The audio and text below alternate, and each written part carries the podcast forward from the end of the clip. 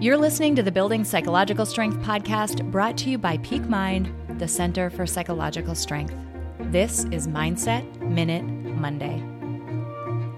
I've talked quite a bit on this podcast about the notion that each of us has a limited store of energy each day.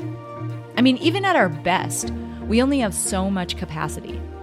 However, we have a tendency to add, add, add to our list without keeping that limited capacity in mind. And then we're surprised when we start dropping balls. So here's my challenge next time you add something to your list of responsibilities, take something else off that requires an equal or greater amount of energy. It's not easy, but man, will your brain thank you for it as it sighs a big breath of relief. Try this out and see how you feel. If you benefit from our content, please drop us a rating and a review on iTunes, and do share this with others who might find it valuable. One last thing Peak Mind is launching a whole slew of valuable resources for businesses and other organizations.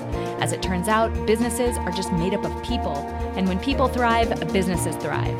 And at Peak Mind, we help people thrive.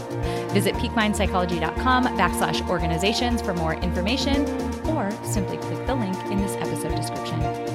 See you next week for another Mindset Minute Monday.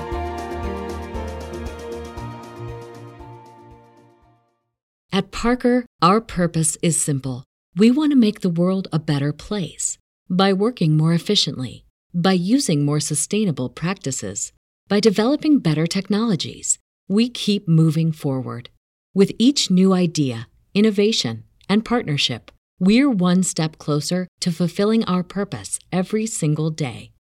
To find out more, visit parker.com/purpose.